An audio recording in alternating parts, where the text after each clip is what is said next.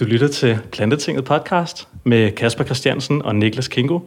Grunden til, at I ikke hører Niklas stemme, er fordi han er til lægen i dag. Så jeg kører den her på pinden sammen med mine to gæster, som jeg præsenterer lige om lidt. Plantetinget er sponsoreret af govego.dk, som er din yndlingsbutik online, hvor du kan købe alle dine veganske lækkerier. Bruger du koden Plantetinget i checkout, får du 10% på dine lækre veganske varer. Vi er også sponsoreret af nogen, der hedder Greenspeak. Og Greenspeak, det er Danmarks velgørende teleselskab, hvor du kan få et super nice telefonabonnement, hvis du går ind på plantetinget.dk og finder de gode tilbud derinde. De donerer 100 kroner af deres penge til et velgørende formål. Du selv bestemmer, hvad skal være, når du signer op. I dag har vi besøg af et, ja, hvad kan man kalde det, et forældrepar af to øh, mennesker, der har inspireret mig enormt meget, og som virkelig giver den gas på de sociale medier. De er ja, veganere, de har simpelthen øh, en helt vegansk familie. Vi har også haft deres, en af deres sønner inde i vores episode 3, Kasper Bilton. Og øh, er der mere at sige? Kevin og Nini Bilton, velkommen i Plantetinget. Ja, mange tak. Tusind tak. Var det fantastisk at se jer her, endelig. Jamen i lige måde. Jeg mødte, øh, jeg mødte dig jo, Kevin, til din lille, eller din søns, undskyld, træning. Ja, jeg ligner min lillebror, ikke? og, så, og så kom du hen til mig og sagde, Kasper, jeg har en skide god idé til et planteting afsnit. Du skal da interviewe mig og Nini. Ja. Og så er der gået lidt tid, og nu sidder jeg Ja, det var, min idé det er, at øh, jeg vil gerne fortælle lidt om kultur. Hvordan øh, vores kultur øh, påvirker os, og hvordan at det var nød, nødvendigt for øh, vores familie at skifte vores kultur. Øh, og, og, og, og bare begynde at diskutere lidt om, om det begreb, øh, om kulturen, øh, hvad den har af indflydelse på, på det, vi spiser, og, og, og, og, og den, det, der så sker, fordi vi spiser sådan, som vi gør. Mm. Mm-hmm. Og øh, du har jo formået at ændre hele din families kultur.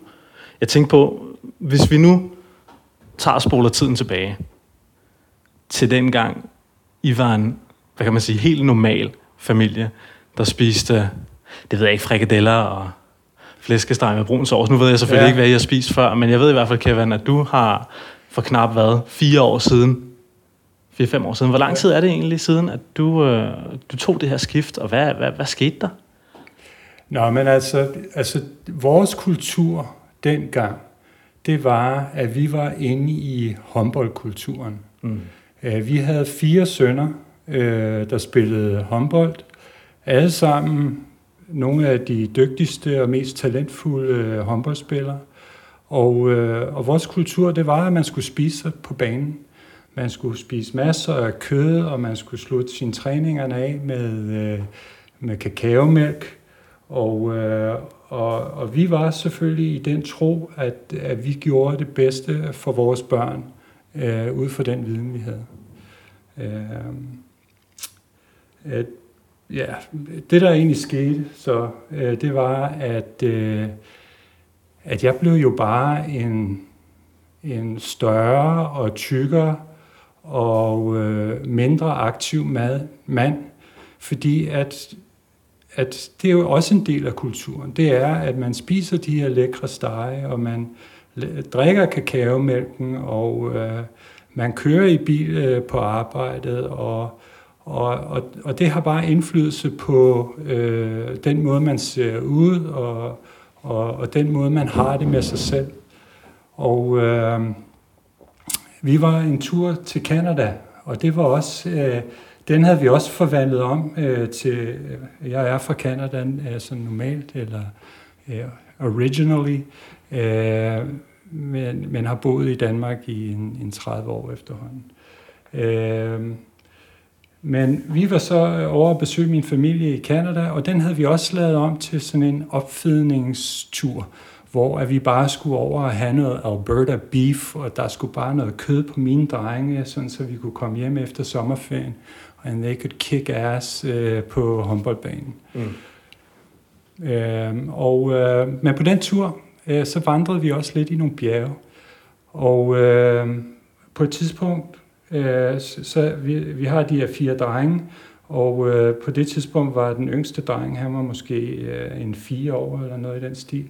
Og resten af familien var unge, og min kone var også øh, ret spændstig på det tidspunkt. Det er hun der stadig. det er hun Tak for det. og de løb simpelthen bare alle sammen frem og op ad det her bjerg. Øh, og øh, da jeg kom ned til toppen, og jeg, jeg kom så øh, øh, i mål, øh, kan man sige, det var ikke et, et race, et race, men det var en, en venlig øh, tur sammen, men jeg kom alene i mål på toppen af bjerget, og, øh, og tænkte flere gange under turen, at nu får jeg et hjerteanfald. Øh, hold kæft, hvor har jeg det dårligt. Shit, mand. Ja, det var virkelig skræmmende. Ja. Så øh, efter den tur, så tænkte jeg, no way in hell skal jeg opleve det her igen. Hvor gammel var du der? Der var jeg nok en øh, 45 år, Mm. eller 44 år. Ja. Passer meget. Ja.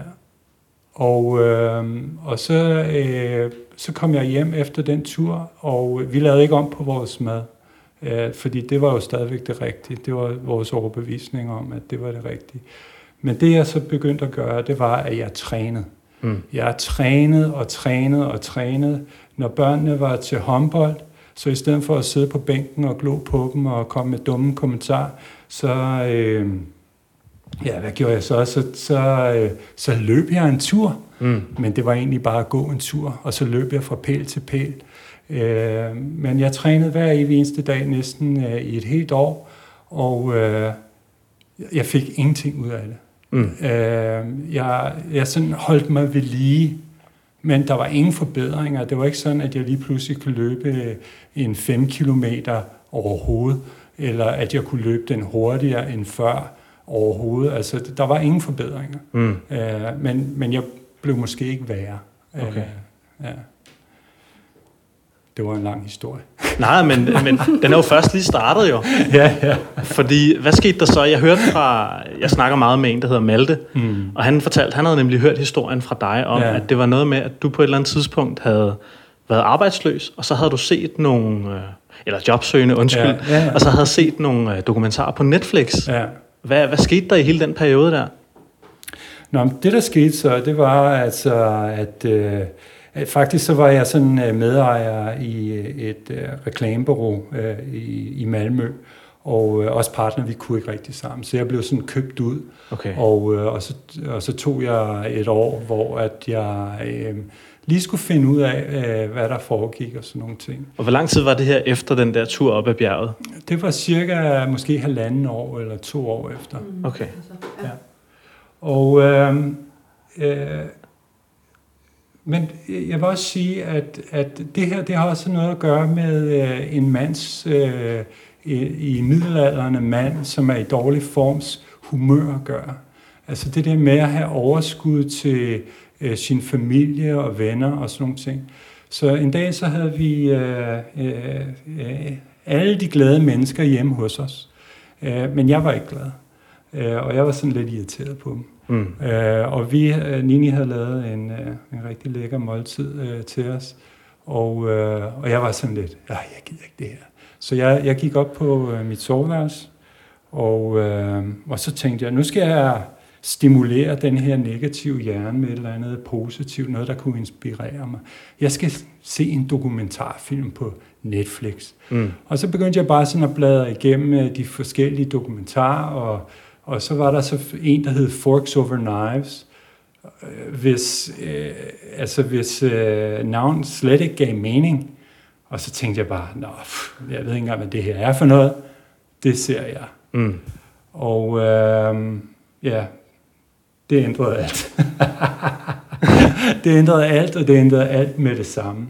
Øh, Efter jeg havde set den den aften, jeg, var, jeg, jeg, jeg, fordybede mig helt i, øh, i deres samtale, og, og det jeg så, og det jeg hørte, og, og, og billederne af deres lækre mad. Øh, og så tænkte jeg bare, "Men det er jo sådan der, jeg vil spise. Jeg gider ikke at spise det, øh, vi spiser. Mm. Øhm, og, øhm, og så da Nini kom op på værelset, øh, så, så forklarede jeg hende lidt om filmen. Jeg, jeg tror, jeg forskrækkede hende lidt.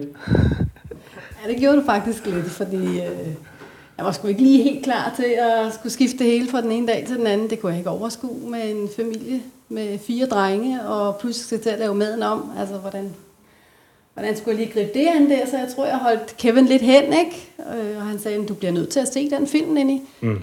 Ja, siger jeg så, men det tror jeg ikke, jeg er klar til lige nu. Ja, fordi jeg vidste, at øh, når jeg satte mig ned og så den film, så blev jeg nødt til at tage en beslutning. Og Kevin er meget insisterende og meget determined på, og, og, og jeg kender Kevin, og han vil noget, så gør han det, mm. og så vil han det næsten koste, hvad det vil.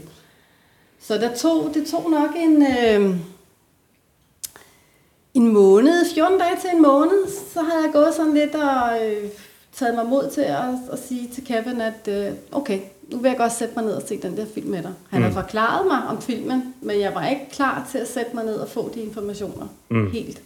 Ja, og Nini, du, du, øh, og du var også hurtig til at sige, jeg skal nok spise med dig sådan. Ja. Fordi du, du kan jo egentlig godt se det, øh, at, at altså, det er jo typisk, øh, vil jeg lige sige, øh, måske kvindeligt, at spise flere grøntsager, end mænd gør. Det er jo sådan, det er i vores kultur, hvis vi lige vender tilbage til kulturbegrebet. Altså, kvinder spiser flere grøntsager end mænd. Mænd vil helst undgå grøntsagerne og vil have måske nogle kartofler og, og, og, og sovs og, og, og et stykke kød. Ikke? Mm. Æh, hvorimod øh, kvinder, de, de, de, øh, øh, de vil gerne pynte lidt og, og spiser lidt mindre kød og, og, og måske også lidt mindre kartofler, men mere grøntsag. Men hvad er resultatet af det i vores kultur? Jamen, det er jo, at kvinder de lever 3-4 år længere end mænd i gennemsnit. Mm. Det er jo fordi, de spiser sundere, det er jo ikke fordi, de har øh, den kvindelige hormon.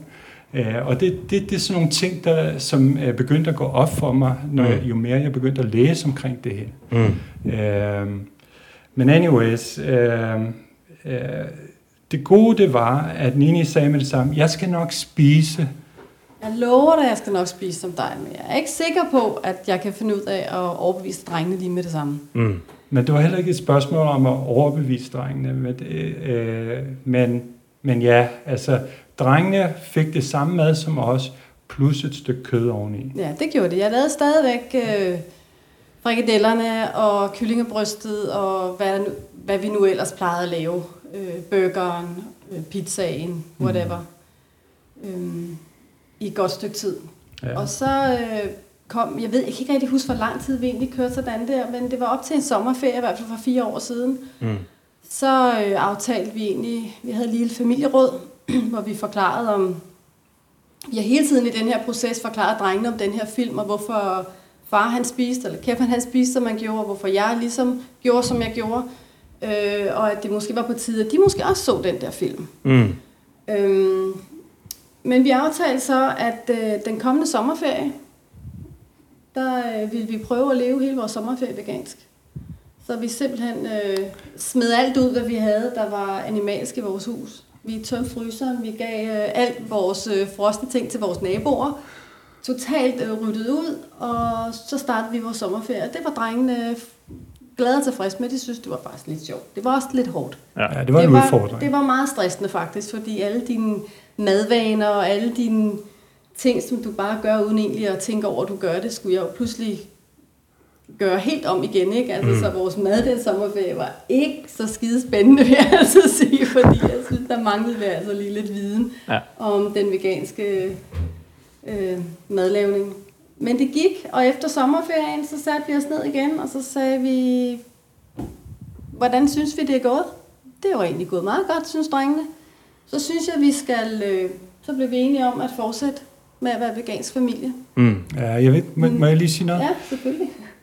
Vi, vi brugte jo ikke ordet vegansk. Nej, det fordi gjorde vi ikke. det var fjendeordet number one. det var farligt. Ja, okay. Det får man ikke øh, venner af. Nej, det, øh, men øh, det var også... Øh, det var også fordi, vi ville jo ikke være ekstreme. Mm. Altså, vi ville jo gerne... Altså, så egentlig øh, øh, var vores øh, øh, idé om at, være, at, at spise plantebaseret, øh, men til højtider, altså til jul og sådan noget, øh, så skulle vi øh, fejre jul på, på samme normal måde, som er en del af vores kultur i Danmark. Mm. Og det er jo med and og flæskesteg, og, og, øh, og min kultur i Kanada, som er med øh, Turkey. turkey. Ja. We need some goddamn turkey on the table. Ja. Altså, så...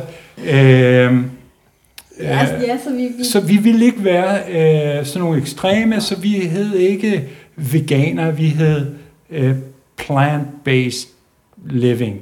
Og vi lyttede også til de læger, som sagde, at man skal ikke være veganer. Øh, det er faktisk ikke engang sundt at være veganer. Øh, man skal være whole food, plant-based. Mm. Ja. Og, øh, og det blev vi. Øh, og øh, ja, stadigvæk mange, der synes, vi var ekstreme. Vi var ekstreme, ikke?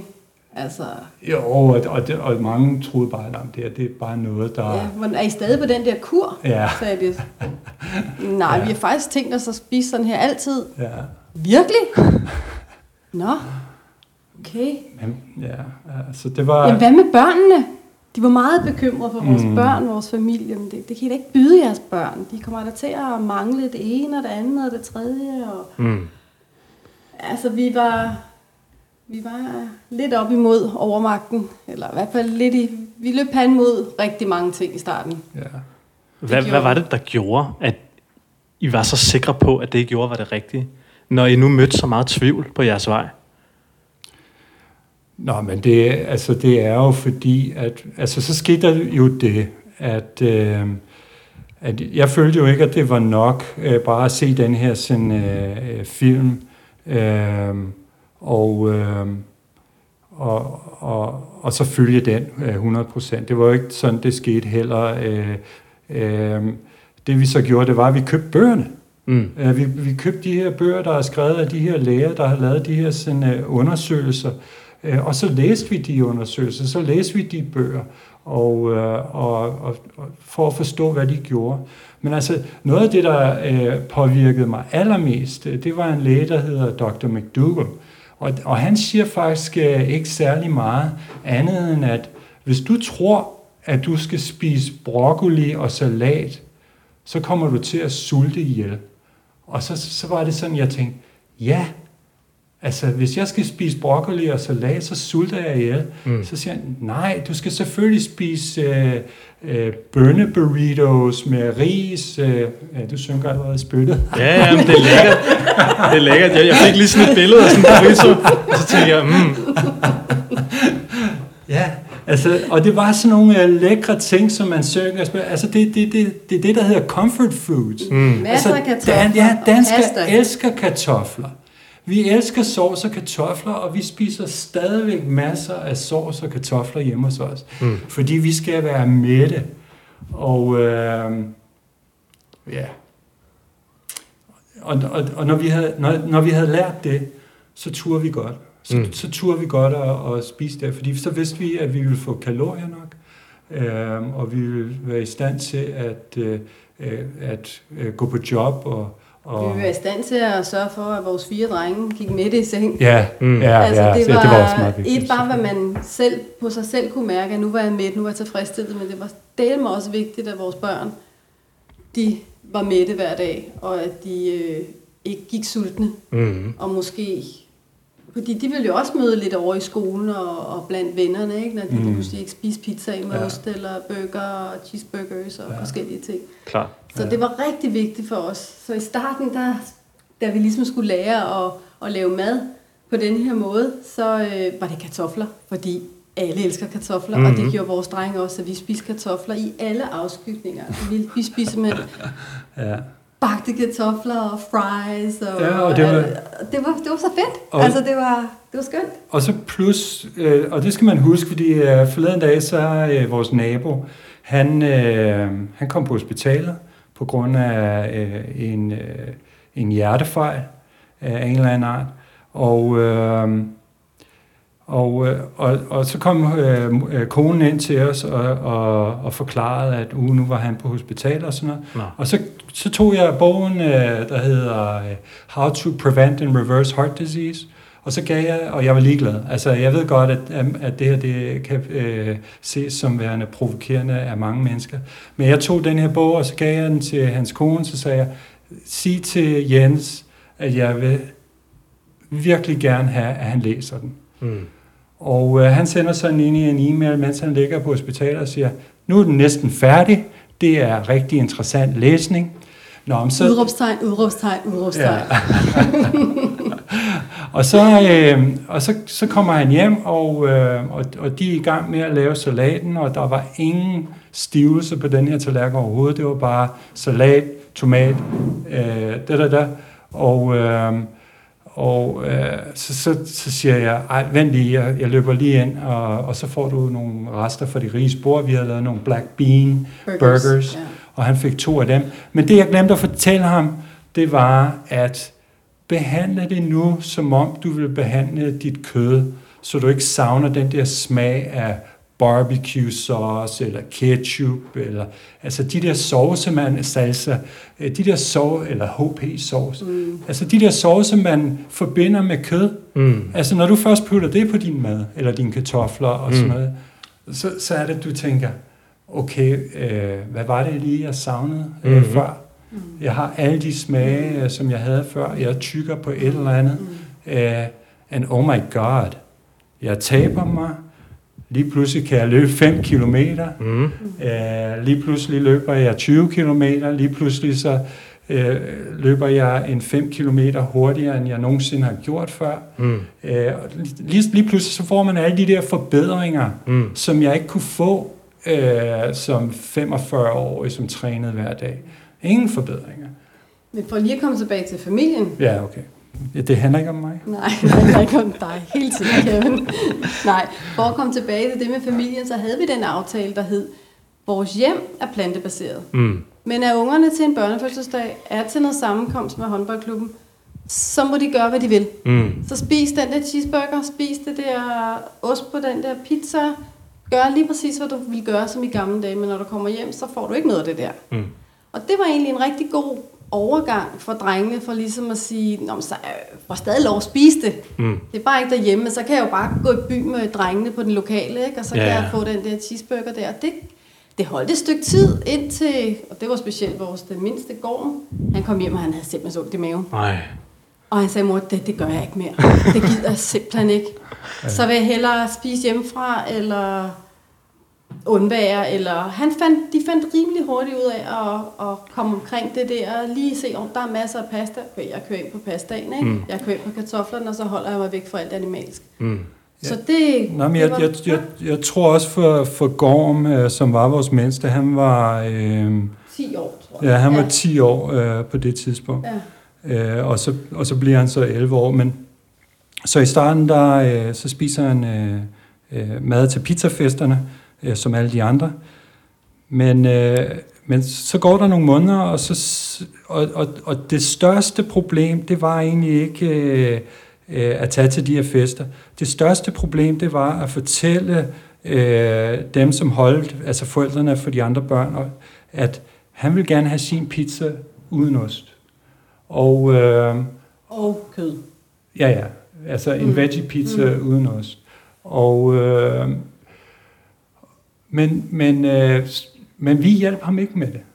Altså, øh, vi sagde, det, hvis, hvis det er sådan, du vil have din pizza, så må du selv sige det til dem. Mm. Og, og det begyndte han at gøre. Mm. Og lige så snart han lærte, at Gud, der bliver lyttet til mig af de voksne, øh, så, så begyndte han bare at sige, hver gang han blev inviteret til en fest, altså jeg spiser jo ikke øh, øh, mejeriprodukter og kød. Mm. Og øh, det blev jo respekteret. Mm. Øh, øh, måske fik han nogle kommentarer øh, ja, jeg på tror, vejen. han har men, fået nogle øh, kommentarer på vejen. Men, det kan ikke øh, undgås. Klart. Øh, og det synes jeg også, jeg kan mindes lidt, at han kom hjem, og så havde han fået en eller anden dum kommentar. Men jeg, jeg synes, i det store hele, at de har været gode til ligesom at lade det passere, ikke? Klart. De har taget den, smilet til folk og sagt et eller andet, og så er de... Oh. Jeg kom lige i tanke om, en anden ting, der virkelig hjalp med, med Gorm, det var Astrid og aberne. Mm. Deres hotdogs og burgers, mm, ja. dem fik han jo bare med til grillfesterne. Ah. Og så proppede han bare en Astrid og, øh, og abernes pølse i hotdogbrødet ja. og en burger i burgerbrødet. Og så lignede det jo alt det andet. Ja, og så var han helt med. Han brugte det, det samme ketchup, de mm. samme pickles. Og, Fedt. Ja, ja, så det var ikke, ikke, ikke et stort problem. Ja. Okay. Ja. Fedt. Ja, altså, så fik det Astrid Aberne lige en reklame der. Ja, ja, ja. Det skal de også have. Jeg har faktisk været nede og snakke med, med hende bossen dernede. Ja. Ja. Og lige kort spørge, om hun ikke vil være med i Hun planteting er en dag. super sød. Ja, Ja. hun er Ej, nemlig. er hun sød. Ja. Det er, så, så det kan være, at jeg lige skal følge op på den. ja. ja. Måske får du en sponsor. Det kan være, at vi får en sponsor til her i Plantetinget. You never know. Ja. Nå, men jeg kunne godt tænke mig at, at vide lidt om, hvad, hvad skete der med jeres krop i den her tid, hvor at, uh, I begyndte at skifte? Fordi Kevin, du siger jo, du begyndte lige pludselig at få resultater af den træning mm. der. Og når jeg kigger på jer to, altså nu kan lytterne jo ikke se det, men I er jo super slanke. Altså jeres hud er super fin, og I har sådan nogle store, store klare øjne, som, som man måske ikke ser hos alle dem, Ja. der er i, i slut 40'erne, Mm-hmm. midt 40'erne, 50'erne. 50'erne. Begge to. Ja, okay. Ja. En, Jamen, jeg er altså- 51, og, og Jeg er Nini er lige lige... blevet 50 her Ja. i øh, foråret, ja. Ja. Hvad, hvad, hvad, hvad er der sket med jeres krop Ja, jeg, tr- i de her år her? jeg tror, Kevin nok var... Han mærkede det først på sin krop. Mm. Det var egentlig ikke fordi, at øh, jeg synes, jeg havde nogle skavanker før. Jeg havde det skismerne egentlig meget godt i min krop. Jeg kunne da stadigvæk være lidt med på DOL øh, i mit firma der, og uden at jeg løb. Det interesserede mig ikke rigtigt at løbe. Mm. Men jeg var tit med. Men jeg har altid været en sportspige. Mm. Så når folk sagde, at de manglede en til DOL-løb, så var jeg da frisk nok til at løbe de der 5 km. Og det klarede jeg da også sådan i nogenlunde tid. Ikke? Men Mm. Hvad var det, cirka? hvad er det, 35-40 eller sådan noget på en 5 km. Så. Okay. Og det var meget bedre end mine kollegaer. Altså, Mm. de var sådan helt, altså, det var typisk dig, Nina. Du har bare sådan en skidegod grundkondition. Og det er også bare fordi, du er en sportspige, og da, da, da, hvad jeg ellers fik skudt i skoene, at der var ved mig, siden jeg kunne løbe så godt. Mm. Og jeg synes ikke, at det var sådan vidt behageligt at løbe. Jeg synes faktisk, det var ret frygteligt, men jeg gjorde det, fordi jeg er også en lidt konkurrencemenneske, og kan egentlig godt lide sport. Men havde det ikke nogen skavanker sådan, jeg havde ikke ondt nogen steder, og jeg synes ikke, at jeg var tyk. Det synes jeg ikke, jeg var. Det tror jeg heller ikke, jeg var.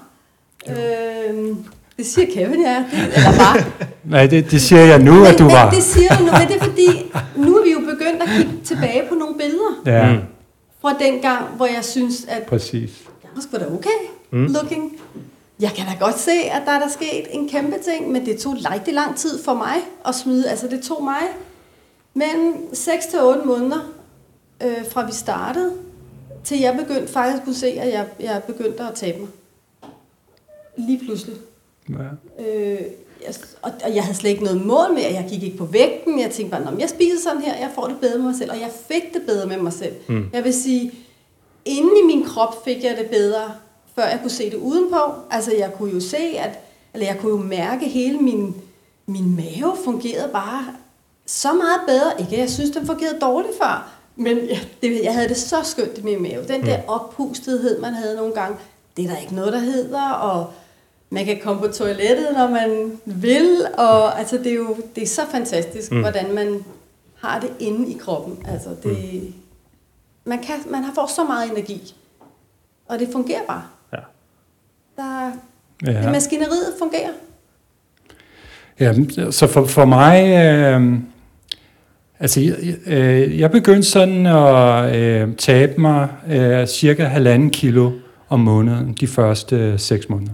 Hold da kæft. mand. Ja, det var sådan øh, rimelig øh, visual, så jeg kunne øh, efter seks måneder stå og, øh, med mine øh, øh, gamle bukser, og så lignede det, at der kunne være en halv Kevin mere i.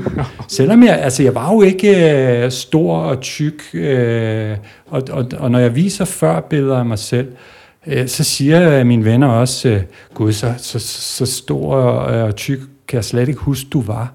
Øh, men, men jeg var omkring øh, 100 kilo, og, øh, og i dag der vejer jeg øh, 80 kilo, og det er...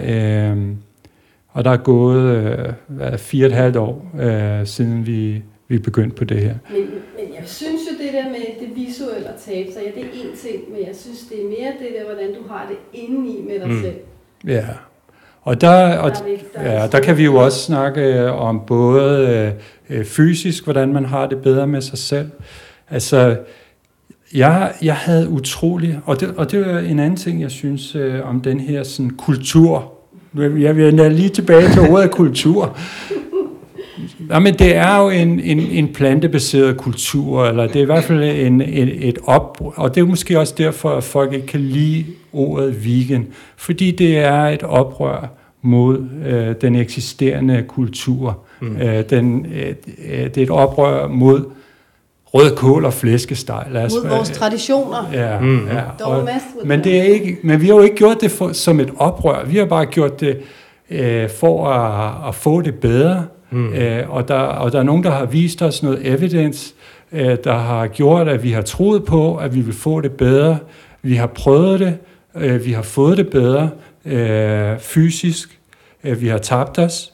Øh, vi har fået bedre blodomløb, så det betyder, at vores muskler får mere ernæring, og det kan vi mærke. Øh, så, så, så når vi løber, så får vi ingen muskelskader, eller vi får ingen, og, og hvis vi får muskelsmerter, så går der en dag, så er det væk. Sidste weekend, altså i år har været crazy for Nina. Vi har løbet tre ultramaratoner, øh, som er, er øh, 60 kilometer. Øh, vi har så ikke klaret dem alle sammen, men, øh, øh, og så har vi også løbet Copenhagen Marathon. Plus så har vi løbet nogle halvmaratoner, og, øh, og så har vi også bare øh, løbet for sjov. Men, men, øh, Lige løbet ultramaraton for sjov. Ja, og det var faktisk sjovt. Vi, gjorde det kun for sjov. Ja. Mm. Vi og, vidste ikke rigtigt, og det skal også være sjovt. Vi havde det skide sjovt. Ja. ja. Og så da, da vi kom til Garden Darmstien, øh, så, så havde du egentlig ikke lyst til at være med. Du havde lige løbet øh, ja, øh, Copenhagen Marathon. Ja. Øh, så den prøvede jeg så at gøre alene.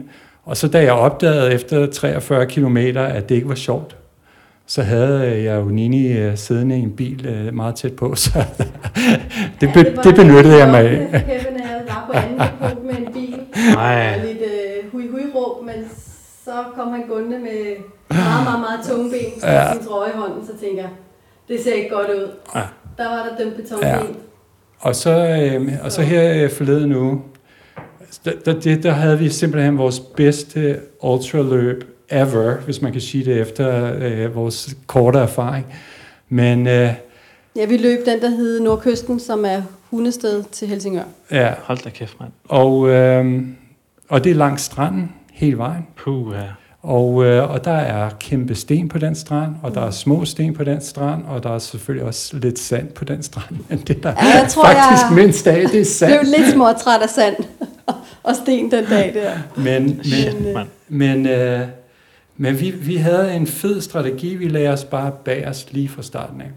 Og vi øh, løb og gik og holdt i hånd og kyssede en gang imellem. Tog nogle billeder. Tog billeder. Det var også øh, vigtigt jo. Ja. Mm-hmm.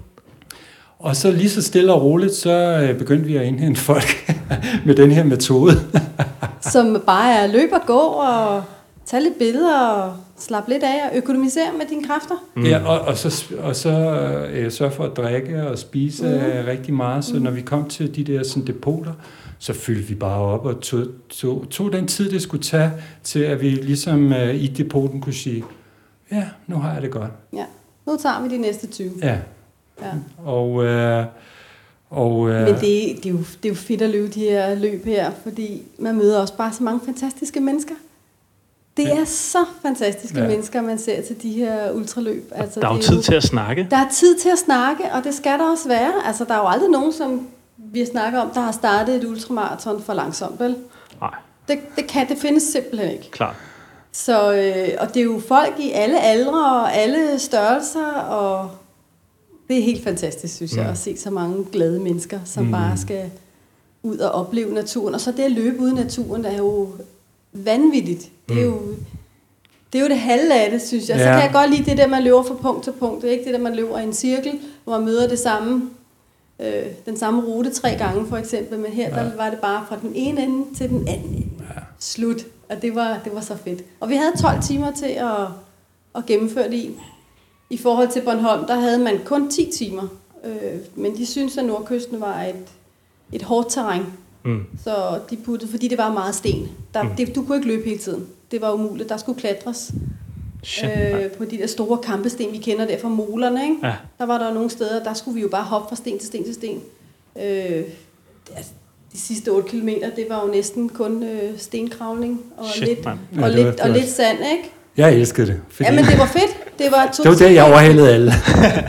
det er fordi, du har en størrelse 48 og kan stå ordentligt på de sten der. Fedt, mand. Men øh, det, var, det var fantastisk tur. Mm. Ja, jeg fandt mit element. Men så, så, så den fysiske del, øh, der er nogle positive ting. Øh, man får bedre blodomløb, og, øh, og, og, man, øh, og, og, og, og når du begynder at fokusere på et område, nu har vi fokuseret på at løbe, så har vi bare blevet så meget bedre til at løbe, og vi har kan putte øh, større distancer på, og vi, øh, og, og, og vi, får, øh, og vi får forbedringer hele tiden. Altså, at efter et år, så kunne jeg løbe, der, der løb jeg 10 km under en time øh, for første gang ever i Mm. mit liv. Altså også da jeg var øh, professionel basketspiller eller, eller college basketballspiller, der løb jeg aldrig så hurtigt. Så som øh, 47-årig eller 48-årig, så løber jeg under en time 10 km. Og nu, altså, den, øh, det har jeg bare forbedret så mange gange. Nu løber jeg den øh, under 50 minutter. Øh, og øh, så de her forbedringer sådan noget fysisk kommer, fordi jeg har bedre blodomløb. Jeg får mere ernæring og, og, og luft, øh, oxygen, ud til alle mine øh, øh, små dele øh, rundt omkring i kroppen. Men hvad, Kevin, du havde også nogle øh, sådan allergisymptomer. Ja, øh, det var noget andet. Altså, jeg har jo lidt af astma hele mit liv. Og, øh, og det var også en af de øh, grunde til, at måske at det her for mig også blev et, et slags oprør, øh, i hvert fald på de sociale medier. Fordi at der er så mange mennesker, der lider af astma, har lidt af astma hele deres liv som mig. Det går jeg bare ud fra, at der er. Og øh, jeg har været til lægen så mange gange og fået hormonmedicin så mange gange. Jeg har fået øh, skud i røven, inden vi skulle øh, på ferie, sådan så jeg ikke ville have allergier på den her ferie. Øh, jeg, har, jeg har gjort så mange ting, og ikke engang er der nogen, der har sagt, Kevin, øh, øh, prøv at skære ned for øh, ostemaderne. Øh, altså, come on! er det virkelig så let? Mm. Øh, Gud fanden er det så let. Altså, bare drop mejeriprodukterne, og måske også drop kød. Jeg, jeg, jeg, jeg tror, det er mejeriprodukterne, men, øh, men det, det er sikkert måske også kød. Men øh, oh my god, hvorfor, hvorfor får man ikke den her information at vide, når man lider? Altså, man lider jo. Øh, min, min lillebror og jeg, øh, da vi var børn, øh, vores familie hed øh, familien Ostemad. Vi boede i en opgang, og vi lavede øh, grillostemader øh, hver dag, og hele opgangen lugtede af, af gammel lole. og, og, og min lillebror og jeg, vi øh, brugte, øh, eller vi øh, var på hospitalet konstant. Øh, og øh, min mor, hun, hun vidste jo egentlig ikke, øh, hvordan hun skulle fodre os. Hun vidste godt, at der var et eller andet galt med ernæring, så øh, vi skulle spise øh, øh, teskeer fyldt med øh, øh, flaxe seeds, hvad hedder det? Øh, Hørfrø. Hørfrø. Og, øh, og vi fik også gulerodssaft, men øh, vi fik også øh, spaghetti bolognese og, øh, og, Ostemader. og ostemader.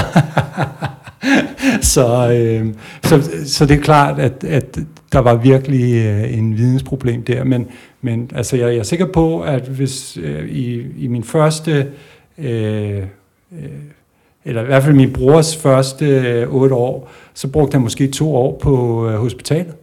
Øh, på grund af, På grund af sådan- eksem. Ja, på grund af eksem Mm. og, og sådan nogle øh, fjollede ting. Mm. Det er crazy. Nå, men øh, så ja, jeg, jeg er lidt sur på, på vores kultur, øh, at, øh, at vi bare tillader, at, øh, at, at folk øh, øh, følger vores kultur uden at, at blive advaret. Mm. Ja. Så det er jo det, I gør. I advarer på de sociale medier, eller i hvert fald øh, ikke så meget advarer, men i hvert fald prøver mere sådan at fremhæve de positive sider Helt ved den bestemt. måde, I spiser på. Helt I, bestemt. har, der, har der været sådan en strategi fra jeres side, eller har det bare været sjov og ballade med de her sociale medier, eller hvordan? Fordi hvis man følger jer på blandt andet Instagram eller Facebook, altså, I er jo hele tiden på. Der er jo hele tiden uh, nye opslag og sådan noget. Hvad, Ja, Nini, hun er blevet god til at... Jeg kan at godt lide at lave mad. Jeg synes, jeg er altid godt kunne lide at lave mad. Det er slet ikke det. Øh, men jeg synes, efter vi har lavet vores kost om, er det blevet endnu sjovere at lave mad. mm, Det er endnu mere kreativt. Det er endnu mere spændende, og man finder hele tiden på nye ting, man kan lave. Og så er maden bare smuk.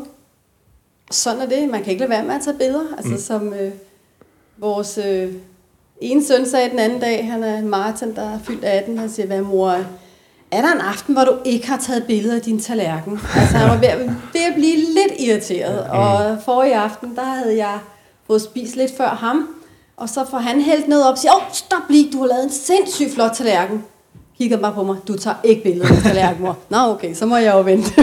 Men altså, jeg synes jo, at madlavning er fuldstændig fantastisk, og, og det er også rigtig rart at få respons på, på de billeder, man lægger op. Og jeg, jeg gør det, fordi jeg synes, det er smukt, og fordi jeg godt mm. kunne tænke mig, at andre mennesker prøvede at lave den her form for mad.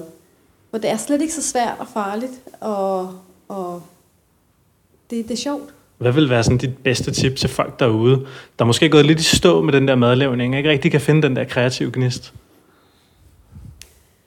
Og jeg vil sige, google opskrifter. Gør det så simpelt som overhovedet muligt. Altså, og, og så alle... hold det til dine kartofler og til dine pastaer. Øh, og det ved vi alle sammen, og din ris. Og så øh, prøv dig frem med diverse grøntsager til at sovse. Mm. Så jeg bruger Google meget. Altså hvis jeg for eksempel ligger inde med en eller anden en eller anden ingrediens, og så siger jeg bare retter med, og så googler jeg det, ikke? og så får jeg jo bare en masse, og lige pludselig, inden for set mig om, så kan jeg jo godt selv lige lave noget. Mm.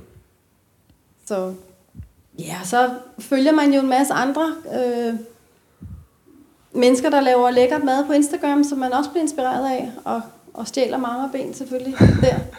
Det må man jo. Det er inspiration. Det er det jo. Ja, altså min strategi med øh, de sociale medier har helt klart været at øh, vise 50-årige, eller øh, mænd, altså i, i, i, i håndboldlivet, øh, så, er der, så, så, så kender jeg jo rigtig mange, øh, både øh, trænere og dommer og, og så videre, som bliver nødt til at lægge øh, deres kærlighed på, på øh, standby eller stoppe, øh, fordi de øh, lige pludselig øh, øh, hele tiden får øh, øh, øh, hvad det hedder øh, muskelskader mm. øh, og sådan nogle ting. Og øh, og så, så min, altså, jeg voksede jo også op, eller jeg, jeg var meget involveret i basketball, og så alle mine venner øh, er også meget sportsorienteret for, for mit gymnasie eller high school, som jeg gik på, og min college days. Øh, og øh, så, så derfor øh, så, så har jeg sådan en blanding af danskere, der følger mig, øh, fra erhvervslivet. Øh, jeg har en blanding af mine high school og college venner, og, og min kanadiske familie, der følger mig. Og øh, jeg vil gerne vise dem, at, at man behøver sgu ikke at gå ned og bakke, bare fordi man er blevet 51 år. Mm. Uh, man, man skal sgu gå, altså det skal være op ad bakke, det skal blive bedre og bedre og bedre. Og, og det er uh, 100% muligt. Så derfor, så smider jeg nogle gange min uh, uh, t-shirt og siger, hey guys, check this vegan body out, you jerks. altså, jeg gør det med et, et glimt i øjet, der er nogen, øh, der synes, at det er mega aggressivt, øh, og det er, er jeg selvfølgelig ked af, men jeg gør det jo, fordi jeg elsker dem. Mm. Jeg vil have, at de oplever det, jeg oplever, og det, mm. jeg oplever, det er så mega fedt, mm. øh, og det er meget federe, end øh, man kan, end jeg overhovedet kan beskrive, mm. øh, fordi det kommer indenfra. Ja, plus at man kan sige, at vi har jo været kødspisere. Vi ved godt, hvordan det var at være kødspisere. Så jeg vil jo ønske, at folk bare prøvede at tage en testperiode ud. Tag 30 mm. dage ud. Prøv en gang at leve plantebaseret i 30 dage. Mm. Du kan altid gå tilbage til at blive, øh, som du var før. Men prøv det og mærk det på din krop, og du vil ikke fortryde det. Mm. Men jeg tror, folk er smadret bange for at smide de der vanerne. Helt sikkert. Altså, så kan jeg ikke spise skyr. Nej, det kan du ikke. Hvad så? Jamen, mm. så må du spise noget andet. Altså, det gælder også om at uddanne sig. Det kommer ikke. Du, du bliver nødt til at sætte dig ind i tingene. Mm. Og jeg tror måske, det er der, folk er måske en lille smule dogne. Fordi det kræver lidt uh, interesse at sætte sig ind i det. Selvfølgelig. Altså, det kræver overskud og tid at ændre sin, uh, sit liv og sine vaner. Mm. Altså, Helt det, bestemt jeg tror, altså nu, nu virker I som nogle meget ressourcestærke mennesker, men jeg tænker måske folk, der har lidt problemer med økonomien, eller måske har sundhedsproblemer, eller sådan noget, som måske ikke har overskud til de her ting her. Hvad, altså hvad, hvad kan man gøre, hvis man ikke har det der overskud, eller hvis man ikke har de ressourcer, der skal til for at, at læse de bøger og se de film og sådan noget, men alligevel gerne vil gøre noget godt for sin sundhed? Mm. Ja. Nå, men altså, altså, hvis man har øjnene åbne for det her, øh, så er det jo øh, et spørgsmål om, og, og hvis du tror på, at, øh, at mad, der kommer fra planter, er lidt sundere end mad, der kommer fra dyr, så, så tror jeg, at hver gang, at du træffer det valg, at du spiser et stykke plante, øh, en kartoffel, eller et stykke salat, eller et stykke brød, mm. øh, frem for at spise øh, et stykke. Altså, det, det er jo hele tiden et valg. Så hver gang du vælger planten frem for det animalske, så tror jeg, at du faktisk vil få det bedre. Øh, frugt. Frugt er også utrolig vigtigt.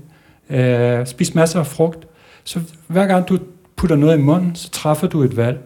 Og, og, og, og hver gang du vælger en frugt-planteprodukt frem for et animalsk produkt, så får du det bedre, og det kan du teste øh, på dig selv. Mm. Øh, og, øh, og så lad din overbevisning øh, tage derfra. Så, så jo mere du vælger øh, plante, jo sundere vil du blive, jo bedre vil du få. Øh, det, det er meget vigtigt, synes jeg, at når man, når man begiver sig ud i det her, det er, at man, man spiser nogle planter, som har mange kalorier. Fordi at, at planter øh, i sig selv øh, har ikke lige så mange kalorier som øh, kødprodukter eller animalske produkter. Så derfor, hvis du øh, kun spiser øh, planter, som har få kalorier, så vil du jo sulte ihjel. Mm. Øh, så man skal jo spise masser af kartofler, masser af ris, mm. masser af bønner, altså noget med noget kick i, altså. Øh, og, og så tror jeg, du vil få det godt. Men altså, det er bare mit råd. Helt sikkert. ja. Jeg tror, det der er sådan, det mest fascinerende ved jer to, vi har allerede været lidt inde på det, men det er jo det her med, med jeres familie.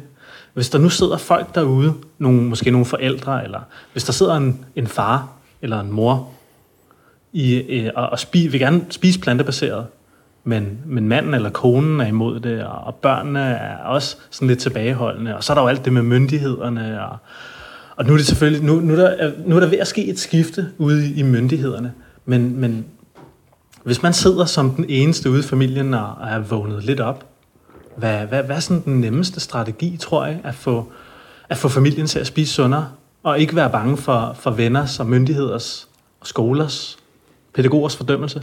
Altså, nu er der jo det, der hedder kødfri dage allerede er ført ind. Jeg synes, at man skal bare langsomt starte med at, at sluse kød og mejeriprodukterne ud. Mm. Og ikke, altså, vi tog sådan lidt, kan man sige, en kold tyrker. Jeg synes, det var vanvittigt, det vi gjorde, når jeg tænker tilbage på det. Jeg synes, mm. det var ret vanvittigt. Men jeg tror, det var en god måde for os som familie, fungerede det at sige, nu korter vi. Mm. Det fungerede rigtig godt for os, men for andre... Der men hold kæft, hvor savnede du mayo. Jamen, det tror jeg først, jeg er ved at komme over nu. ja, mayonnaise. Oh my god. Nå, Lad være med at snakke om det, du. Nej, jeg synes, at man som familie skal bare begynde at automatisk lave flere kødfri og mejerifri dage. Langsomt. Mm. Og så øh, er der jo snart så mange fantastiske blogger, der laver dejlige hverdagsretter, som mm. ikke er specielt svære, og med ingredienser, vi alle sammen kender, og som vi alle sammen med lethed kan få fat i i supermarkedet.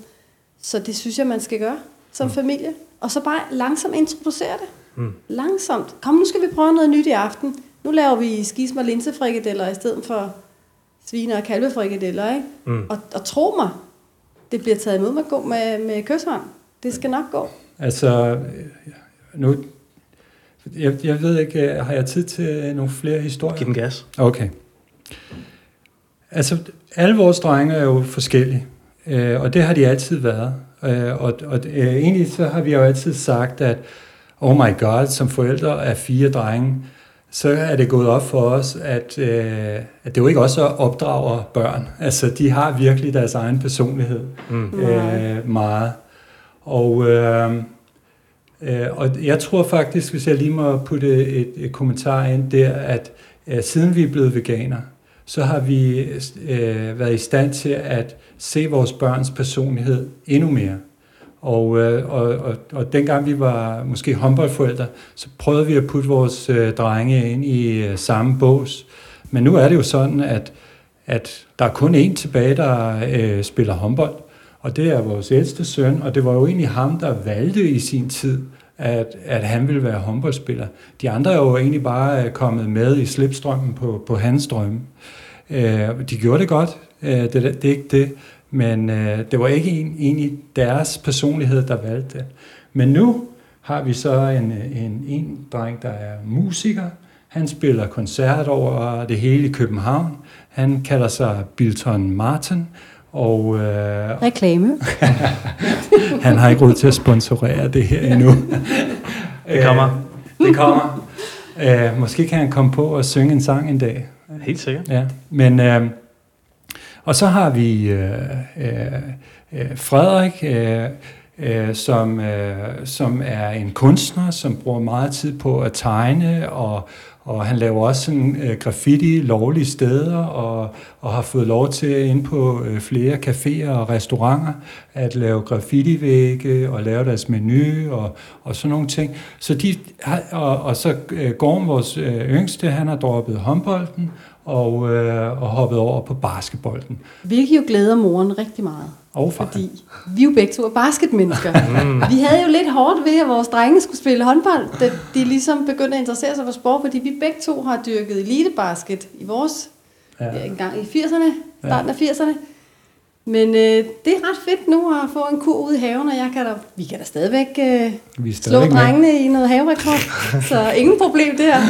Det irriterer dem lidt, men øh, det er fedt. Jo, den mindste han spiller basket nu, Ja. og det er rigtig lækkert. Ja. Men ja, så, så der er sådan blevet et, øh, mulighed for, at de kan finde sig selv og være sig selv. Og, og, øh, og, og jeg har også kunne mærke, altså jeg har altid haft et, et super godt øh, forhold til, øh, øh, til mine drenge. Øh, men, men en af drengene, ham og jeg, vi, vi, vi slog os på hinanden hele tiden. Øh, der var noget personlighed der, og det skete allerede, da han var to år, og, og det blev ved i, i mange år. Men øh, altså, øh, men lige pludselig, øh, efter vi er blevet vegan, så er vi begge to bare blevet meget mere positive mennesker, mm. og meget mere rummelige mennesker. Og, øh, Mildere på en eller anden Ja, måde. og Miller, mm. så, så øh, altså, jeg, kan godt mærke på ham, at han stadigvæk har det der øh, øh, lidt præstationsangst, når, når faren er i nærheden. Men det, altså, det, det er noget, han ikke skal have mere. altså, øh, og, øh, men, øh, øh, men Men vi har fået et meget bedre forhold til vores, til, altså som, ja, familie, som familie til er vores blevet drenge. meget, altså, meget vi, stærkere. Ja, det, det, der, er- det, der Det er er fedt tvivl. at have den her, Ja. vi er virkelig stærke sammen. Mm. Og vi er, altså, og, vi kan, og vi er meget fælles som den her kultur, Mm. øh, og det, det er Mm. noget, vi alle sammen Mm. bakker op om. 100 procent. Ja, vi kan jo sige, at vores, vores resterende familie, der, de er ved at acceptere nu, at øh, vi er, som vi er. Vi spiser, som vi spiser, så... Mm.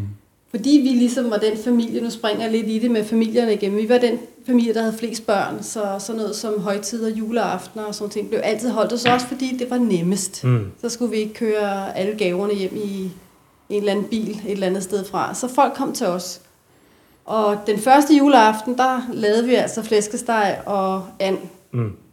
Det var så den sidste juleaften, vi gjorde det. For Okay. da vi ligesom kiggede hinanden i øjnene der, det kunne vi ikke. Nej. Så vi blev nødt til den anden juleaften der, året efter, at meddele vores øh, familie, at øh, det bliver en kødfri juleaften. Mm. I får nødsteg. I får måske noget duck, der smager som en duck. Og de gjorde jo kæmpe øjne. Altså, They say, what the fuck ja. with the Hvad duck? mener I? Det er juleaften. Det kan I ikke mene. Vi skal da have vores lidt, lidt, lidt, altså vores flæskesteg. Jamen, det bliver ikke her.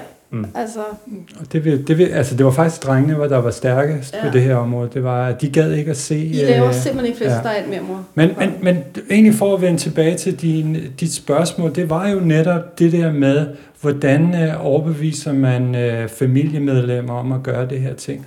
Og, og, og, og lige så øh, meget som deres personlighed er forskellige, lige så meget måtte vi tale til dem med, med forskellige øh, tunger, mm. øh, for at, at bare få dem til at... Det, det var ikke så meget om, at vi skulle overbevise dem og, og følge, hvad vi gjorde. Altså, det vi gerne ville gøre, det var, at vi ville starte dem på en rejse, hvor de selv kunne lære om det her. Og det handlede jo om, at se øh, nogle dokumentarer og, og blive klogere. Mm. Øhm, og det, det kunne øh, Kasper og Martin og Gorm til dels, øh, fordi han var jo så ung, så jeg sad jo og oversat Forks Over Knives og sådan nogle ting. Men, men så han forstod, øh, at øh, øh, han, han forstod det sådan lidt. Men, men, men Frederik, det gad han ikke. Om Frederik var på det tidspunkt, gik jo meget op i at, at løfte vægte. Og Ja, han var bodybuilder. Han var bodybuilder. Han var Mm. meget nervøs for, at den her kostændring ville gå ud over hans måde at bygge muskler på. Mm. Så hans indgangsvinkel, det var jo at lytte til, hvad det, han hedder? Gary Jurowski. Ja, jeg kan ikke sige sådan noget, ja. så det, det siger du. Og den tale, han har, som de kalder verdens bedste tale, det var den, der rykkede Frederik. Mm. Og det er den, han også øh, viser, har vist sine venner, Mm. da han gik øh, på HTX.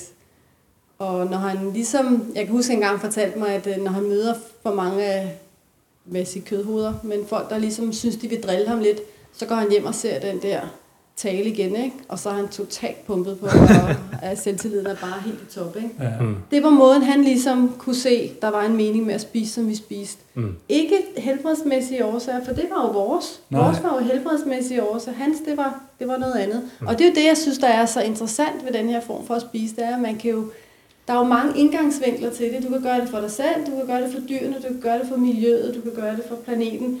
Men når alt kommer til alt, så gør vi det jo alle sammen for alle emnerne. Mhm. Mm-hmm. Ikke? Altså, jeg vil sige, jeg gjorde, det for, jeg gjorde det for mit helbred, altså egoistisk først, Mm. men jeg har da fået øjnene åbne for alle de andre ting Mm. senere hen. Klart. Så alt efter, hvad man prioriterer højst. ja. Helt sikkert.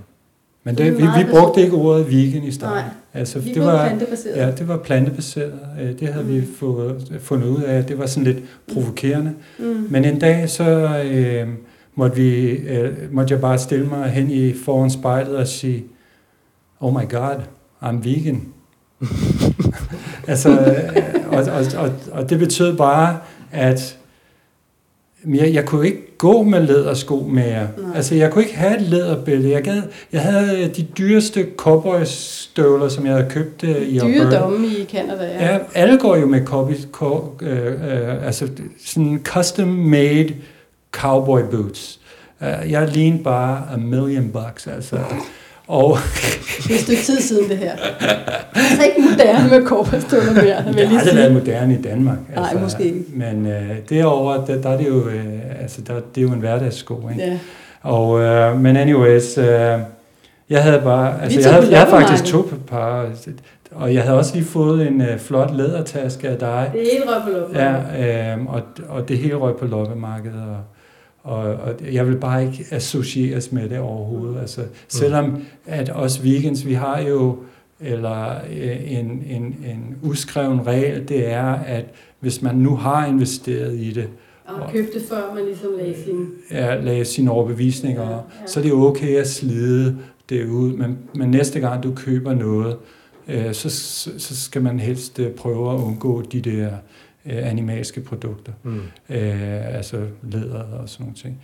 Men, øh, men jeg, jeg vil simpelthen bare ikke have det. Nej, vi samlede bare en stor pose, Ja. og så tror jeg, der var en af ungernes håndboldklubber, der havde noget loppemarked, hvor de samlede ind til en tur. Der røg alle vores ting over, og så gik Fedt. vi til håndboldklubben Ja. ja. i stedet for. Ja. Så det var Ja. fint nok. Fedt. Men øh, ja, ja. Men det er sjovt, ikke? Altså, nu har vi været veganere på plantebaseret. Jeg ved ikke, hvad vi er. Nå, We're, Men det- we're vegan. We're vegans. Vegans. det er sjovt nu, fordi vi har, jo- vi har jo ofte øh, kammerater til vores drenge over at spise, specielt den yngste, ikke? Mm. Og de synes jo, det er super interessant Mm. at komme over og spise hos os, fordi det er lidt anderledes. Klart. Altså, Ja, og så, og så tager vi jo igen øh, de der ting, vi får i Astrid og Aberne. De har noget soja granules, øh, som man kan lave om til øh, millionbøf. Øhm, og øh, der putter vi bare alle de samme krydderier, som man vil i millionbøf, eller i taco-krydderier Mm. og sådan nogle ting. Og så spiser de det, og så siger de her dreng, jamen, altså for det første er de sådan lidt, wow, I'm eating vegan with my friends. Øh, men, øh, men de er også sådan øh, lidt, det, det smager jo ikke anderledes det her. Nej, det er slet ikke så farligt. Nej, nej, øh, de kan faktisk godt lide det, og, og, og, og Gorm han bliver, får også et kick ud af det. Og han har også flere af sine venner, der siger, lige så snart jeg flytter hjemmefra, så... Øh, Så skal jeg være veganer. så skal jeg være veganer. Skal vi bo sammen, går Eller 14. Ja, okay. Nej, han er 15. Han er 15. Ja, det ja, kan pas lige på. Ja. Nå, men tiden løber bare så Ja, hurtigt for de ja. unge der. Ja. ja. Fedt. Men det, men det er også skønt, altså hele vores familie, nu har vi jo nogle store drenge, der har fået kærester, som også er øh, plantebaseret, og det er bare, det er så fedt og dejligt at have sådan en familie her, hvor vi ikke skal tænke på at tage hensyn til nogen, eller skal gøre noget anderledes, eller ikke turde være os selv. Vi er bare os selv. Plantebaseret børnebørn. Det har vi også. Det er jo fantastisk. 100 procent. Ja, Ja, hun er jo et Og jeg Hun har, er jo aldrig, bare jeg, fantastisk. jeg har aldrig set et sundere barn i hele mit liv. Altså, oh my god. Altså, hun, øh, jeg har aldrig set hende med sådan noget gult noget, der kommer ud af hendes næse. Og hun er bare altid så glad. Hun har aldrig brugt sut. Altså, man Og kan hun bare, har de største blå og øjne og vi, helt vi, er, hvide. Altså. vi er bedsteforældre. ja. Ja. Vi elsker hende. Så, nej, men man er bare så stolt af, ja. af alt det her. Altså, at, at når man ser folk, der har det godt, og folk, man elsker, der har det godt, øh, og ikke lider, og er ikke syge, Mm. og, og sådan nogle ting, øh, så bliver man bare så glad. Ikke? Og, og, man vil, og, og, og man vil jo bare, øh, igen med de sociale medier, man vil jo gerne påvirke andre. Helt bestemt. Og det er også derfor, at jeg, altså, jeg synes, en af de bedste ting, jeg har delt på de sociale medier om mig selv, det var, at øh, i den her fire og en halv år periode, hvor jeg har været vegan, øh, eller plantebaseret, øh, der har jeg været hos lægen en gang. Mm. Og, øh, og det var fordi, at jeg gerne ville have målt min kolesterol, øh, og øh, taget blodprøver og sådan noget, og se, om jeg får det hele, som jeg skal, og bla bla. Jeg har ikke, været, jeg, jeg har ikke skulle øh, besøge dem øh, en gang, altså. Hvorimod før i tiden, hvis man ser på min journal, og det kan man gøre inde på sundhed.dk, der, der besøgte jeg dem seks gange om året, så havde jeg øh, en infektion i røven, og så havde jeg en i øret, og, og, øh, og, så, havde jeg, og så var jeg, øh, øh, hvad, hvad hedder det, forkølet, og, og, og influenza, og astmamediciner, og, og... Oh my god, get out of that business. Altså, man behøver ikke at besøge sin læge. Vi, og, og det er det igen øh, med kulturen. Vores kultur dikterer, at vi har behov for at bygge et sygehus i København, der hedder Børneriget. Øh, vores kultur dikterer, at alle vores hospitaler i Københavnsområdet er totalt underkapaciteret. Øh, at der er simpelthen så, de har det så travlt. Vores kultur dikterer, at Glostrup sygehus, som vi bor lige ved siden af, er blevet renoveret, at Gentofte sygehus er blevet renoveret med mere kapacitet, øh, at Herlev Hospital er blevet renoveret med mere kapacitet, men alligevel så skal de bygge et hospital i Køge, der er lige så stort som alle de der hospitaler, jeg lige har nævnt til sammen. Mm. Altså, it's fucking crazy, den her kultur, vi lever i. Og ved du hvad? Og kulturen i at blive bedste ven med din doktor, ikke? Ja, Man skal ikke være på fornavn med nej, sin nej. doktor. Og, og, og doktoren ved jo alt. Øh, altså, han er jo den kloge. Øh, og øh, altså, altså, den der måde, som især øh, de, de ældre mennesker øh, bare lytter til ham, de har knogleskørhed, og han fortæller dem, gå hjem og spise en ostemad. Altså, oh my god. Han har jo ikke sat sig ind i tingene, vel? Mm. Og det er sådan noget, det pisser mig af. Altså, Mm. øh, det, det er bare forkert. Mm. Øh, og og der, der er alt for mange mennesker i Danmark, øh, der, der lider unødvendigt. Øh, men det, det, det betyder ikke så meget for mig. Det er mere, at dem, jeg kan lide, dem, jeg elsker, øh, dem, der er i min familie, dem, der er i min omgangskreds, øh, at jeg ser dem lide, det, det pisser mig. Det, Mm. det, der, der kunne jeg godt tænke mig at påvirke dem. Mm. Så. Ja, så der kommer supersygehus. Ikke både i Køge, men også i, hvad er det, Helsingør, er de også ved at lave et supersygehus, tror jeg. Nå, okay. Men i hvert fald hele regionen af Sjælland, hovedstaden, der, Mm. der stikker det i hvert fald helt af med de her sygehusbudgetter her. Ja. Jeg kunne godt lige tænke mig, uh, nu er det noget, der har virkelig har baseret i medierne. Jeg tænkte, det ville være åndssvagt, hvis ikke vi tog det op i plantetinget. Det har med slagteren her, der har fået dårlige anmeldelser. Jeg ved ikke, om vi skal snakke om det, eller om vi helt skal det ikke. Men jeg ved ikke, om I har nogen sådan kommentarer til det, eller noget. Nu er han nu fra Albertslund. Jeg kender ham ikke. Altså, jeg, jeg ved, han er jo fra Vestegn. Han, det er, jo en Vestegn Det er hood, man. Ja, det er Jeg har fulgt lidt med på Facebook, men jeg vil sige, at jeg har ikke rigtig givet sætte mig ind i det. Nej, det har jeg faktisk ikke. Øh, jeg synes, det... Altså, jeg læste et eller andet opslag på Facebook, hvor der var nogen, der sagde, at øh, det var da utroligt så meget omtale, han lige pludselig fik der. Mm-hmm. Jeg kan ikke finde ud af, om det er noget, der er bevidst sat op, eller... Nå. Altså, alle ved slagteren i Alberslund nu, ikke? Ja, ja, ja. Det, det er meget sige. smart. Super god reklame. Super god reklame. Ja. 10, 10 weekends gør han populær. Ja. Men, men øh, altså, det der egentlig... Øh, det, det eneste, jeg egentlig har gjort, jeg har slet ikke kommenteret på, på sagen, jeg har ikke delt den, jeg har ikke gjort noget, øh, fordi jeg synes, det er, er en meget mærkelig sag. Men, øh, men det, der egentlig gør mig lidt ked af det, det er at, øh, at se folk svine plantespiser eller veganer til øh, for at beskytte deres kultur. Mm. Og øh, de bruger nogle øh, nasty words. Øh, de bruger bandeord og, og, og, og kalder os navne. Øh, og det, men det er jeg jo egentlig lidt vant til øh, øh på, på min egen hjemmeside, eller på min egen Facebook-side.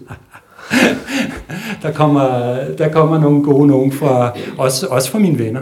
Øh, men vi gør det sådan lidt med øh, et glimt i øjet, mm. vennerne. Men nogle gange kommer deres venner ind. Mm. Og, og der synes jeg, at, at, at de, de taler sgu meget grimt. Og de har egentlig ikke sat sig ind i tingene. Men, men, men det jeg sådan konkluderer lidt ud af det, det er, at, at altså, jeg har det jo stadig godt i kroppen. Jeg, planterne virker. Øh, ja, deres ord øh, øh, gjorde lidt ondt øh, kortvarigt, men, øh, men jeg har det stadig godt, mm. og, øh, og det, det ved jeg, at de ikke har. Mm. Øh, de er fanget i noget shit, mm. som de ikke behøver at være i. Og så skal man også huske på, det er noget, vi har snakket meget om, Niklas og jeg, det her med, at Facebook, det er bare sådan en, sådan en parallel verden, hvor folk opfører sig fuldstændig vildt og kaster med, altså som du selv siger, Kevin, altså bandeord og, og sådan sindssyge gloser efter folk, ikke? Og det er sådan... Øh, jeg synes, det er ærgerligt, at man i mainstream-nyhederne henviser til Facebook, som om det er virkeligheden, og det er det, der sker. Fordi det er bare sådan en arbitrær, kunstig verden, vi har skabt for os selv. Det er sådan en fantasiverden, mm. hvor at, at folk ligesom udlever deres fantasier. Jeg synes, jeg synes det... Ja, det er bare min personlige mening. Jeg synes, det er mærkeligt, at vi ligesom i de etablerede medier refererer til, til den her kunstige digitale mm. verden, ja. som om det er rigtig virkelighed. Mm. Selvfølgelig har det sin berettigelse af, af slagtermanden, han markedsfører på de sociale medier. Men man må også bare lige have en mente af, at det folk skriver, og det folk siger, og det folk viser, det er ikke nødvendigvis virkelighed. Mm. Det er bare en fabrikeret verden. Mm. Altså, det, det er sådan, som jeg ser det. Ja. Det kan jeg ret i. Nå, men det, der er ingen tvivl om, at altså, på min egen... Øh, øh, øh, på min egen øh, Facebook-side, øh, så vil øh, jeg ikke få særlig mange likes, hvis jeg ikke øh, var venner med en hel masse, der havde samme holdning som mig. Mm. Øh, så så, så, så det, det var også en klar strategi øh, fra min side, det var, at Altså for det første, så begyndte jeg at være øh, med i sådan nogle grupper på, på øh, de sociale medier. Øh, sådan veganergruppen, øh, vegan food og øh, vegan life philosophy og, og sådan nogle øh, veganske grupper. Det var også smadret fedt i starten, men jeg følte lidt, at vi alle sammen øh, preached to the choir. Altså, vi var alle sammen med på det samme. Vi, vi, øh, for det meste. Mm. Medmindre man var ny, øh, mm. måske. Mm. Og det var jo egentlig ikke de mennesker, jeg vil overbevise øh, om noget som helst. Så, så jeg tænkte, hvis jeg har noget at sige, øh, der er vigtigt, øh, så er det til mine venner, til dem, der følger mig. Og så øh, i starten, så begyndte jeg at dele ting, og øh, det var sådan rimelig koldt modtaget. Der var ikke øh, særlig mange likes, og der var ikke særlig meget debat, og der var ikke sådan, det var sådan bare, oh my god, here goes this idiot again. så, jeg, så jeg begyndte at tage folk ind øh, i min vennekreds, som, som jeg alligevel øh, diskuterede en del med på øh, Facebook. Altså for eksempel øh, bestyrelsen i øh, Dyrenes Frie Farm er jeg engang med i, og, og sådan nogle ting. Så de blev mine venner, og så, og så begyndte jeg bare at sige, okay, jeg har brug for flere veganske venner, fordi når jeg poster det her, så vil jeg gerne vise mine venner, at... Øh, at, øh, at der er lidt support her, eller noget så man ikke bare står der med en... Øh, Øh, øh, og, og råber ud til ingenting. Ikke? så ja, men øh, så jeg, jeg ved ikke om ja, på den måde er det lidt kunstigt, altså øh, fordi at det er folk som øh, som liker mine ting, som har i hvert fald gjort sig en tanke om det. Og så en gang imellem så ser jeg en ven, og så ser jeg en ven øh, lave en kommentar, og, og, og mange gange er det positivt. Øh, og så lige pludselig så får man en besked øh, i sine private messages, og så siger de, Kevin, how did you do it? Hvordan har du gjort det? Øh, hvordan kan jeg gøre det samme? Og øh, på den måde tror jeg, at øh, både øh, øh, altså mine kollegaer øh, på arbejdet, så er vi, øh, øh, har jeg en 16 kollegaer, og omkring syv af dem spiser vegansk frokost sammen med mig. Øh, de er ikke, øh, og to af dem er blevet veganer, eller plantebaseret. De er ikke, øh, de er ikke veganer, de er plantebaseret. Øh, to af dem er blevet plantebaseret, og, øh, øh, og, så, og, og ude i, på de sociale medier, i gymnasium og sådan noget, så har jeg overtalt, eller ikke overtalt, men de har kontaktet mig og sagt, hvad skal jeg gøre? Og så fortæller jeg dem, jamen bare prøv det i en kort periode, øh, jamen jeg kan ikke, jeg skal have mit kød. Så siger de, så spis de kød om søndagen. Det beløn dig selv. Spis plantebaseret hele ugen, og så om søndagen, just go fucking nuts med din barbecue. Øh, det, bare prøv det. Altså, det, hvis du ikke kan skære helt væk, så skær ned. Og, og, øh, og, og, og de får gode resultater, de taber sig, de får det godt. Øh, jeg har to kollegaer, der bor i øh, Sverige.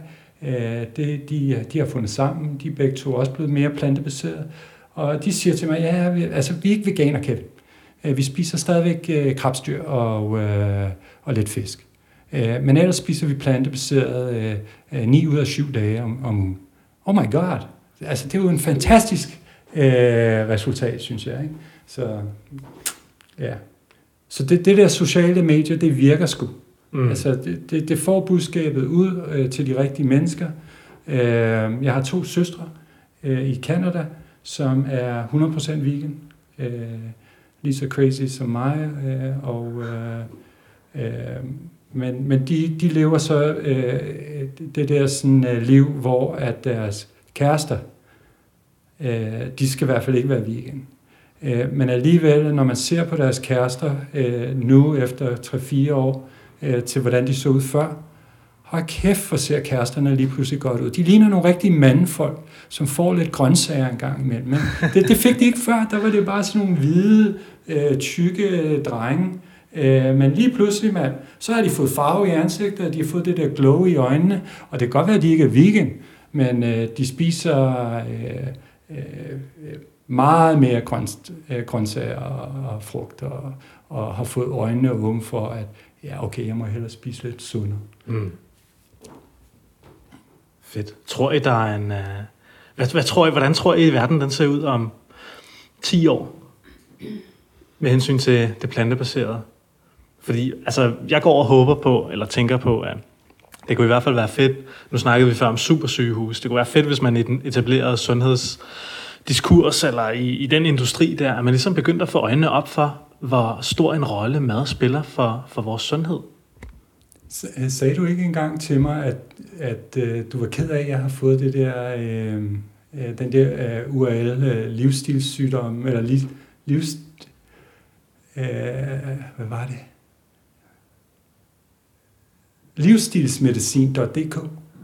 Jeg havde den domæne.